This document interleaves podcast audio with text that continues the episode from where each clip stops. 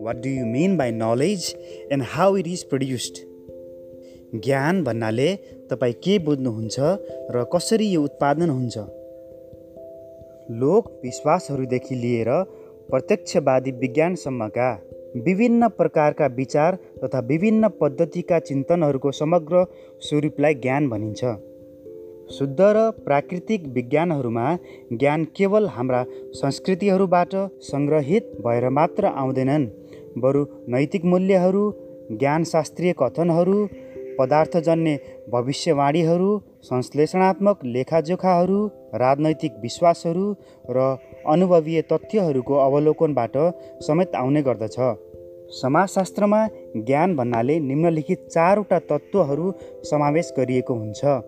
एक दृष्टिकोण वा धारणा एटिट्युड दुई सूचना वा जानकारी इन्फर्मेसन तिन विश्वास बिलिफ चार अभिमत ओपिनियन काल मार्क्सले आइडियलिजम स्पिरिचुअलिजम र म्याट्रुलिजम आदर्शवाद अध्यात्मवाद र भौतिकवाद बिच हुने अन्तर्विरोधलाई ज्ञानको आधार मानेका छन्।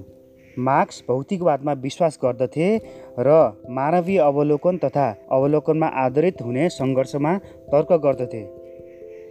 ऐतिहासिक प्रभावका आधारबाट सिद्ध गर्न सकिने सङ्घर्षमा उनी विश्वास गर्दथे।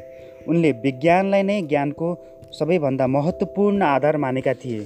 विज्ञानमा कल्पनालाई कुनै स्थान दिइँदैन उनी वास्तविक जगतमा विश्वास गर्दथे। जसका प्राणी भौतिक परिस्थितिहरूमा रहेर कार्य गर्दछन् तथा आफ्नो जीवनयापनका लागि ती भौतिक परिस्थितिहरूद्वारा उत्पादन गर्दछन्।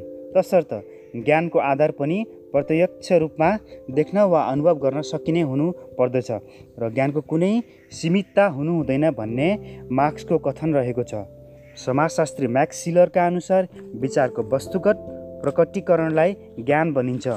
उनका अनुसार सामाजिक परिस्थितिहरू वा वास्तविक तथ्यहरूले ज्ञान वा विज्ञानलाई निश्चित गर्दैनन्। बरु ज्ञानको प्रकटीकरणलाई सम्भव तुल्याउँदछन्।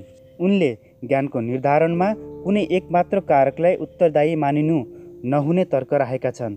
उनले मार्क्सद्वारा प्रतिपादित ज्ञानको अवधारणाको आलोचना गर्दै तर्क गरेका छन् कि केवल आर्थिक कारकले मात्र सामाजिक परिस्थितिहरूको निर्धारण गरिँदैन।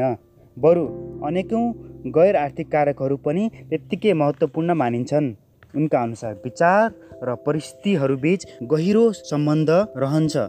यी दुवै बिच संरचनात्मक समानता पाइन्छ र समाजशास्त्रीय ज्ञानले यिनै समानताहरूको व्याख्या एवं विश्लेषण गर्दछ।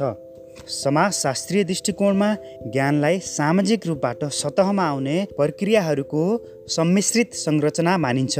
यस अर्थमा ज्ञान एक सामाजिक उत्पादन सोसल प्रोडक्ट हो। सामाजिक विज्ञानहरू तथा समाजशास्त्रमा दैनिक जीवनका सामान्य चेतनाहरूभन्दा पर सैद्धान्तिकरण र प्रत्यक्ष अनुभविक अवलोकनीय विधिहरूद्वारा ज्ञान उत्पादन गरिन्छ।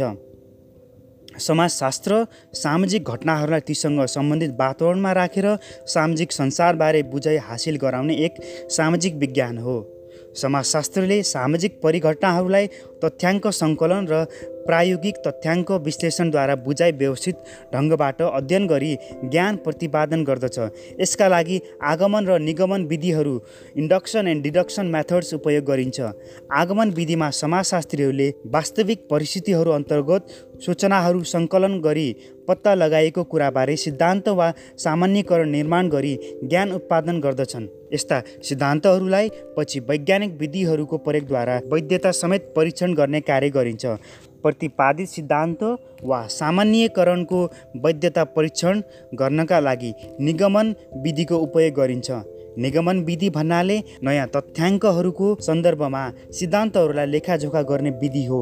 यस प्रकार समाजशास्त्रीय ज्ञानहरू स्थिर रूपबाट गरिने अनुभविक अवलोकन इम्पेरिकल अब्जर्भेसन र सैद्धान्तिकरण थ्योराइजेसनको क्रमबद्ध प्रक्रियाबाट उत्पादन हुन्छ। प्रसिद्ध समाजशास्त्री पिटर एल बर्गर र थोमस लिकमानद्वारा लिखित एवं प्रकाशित पुस्तक the social reconstruction of reality सन् उन्नाइस सय छेसठीमा उनले ज्ञानलाई सामाजिक संसार र ज्ञानलाई वस्तुगत वास्तविकता भन्दा पनि चेतनशील प्रक्रियाको सांस्कृतिक उत्पादनको रूपमा लिनुपर्ने मान्यता राखेका छन्।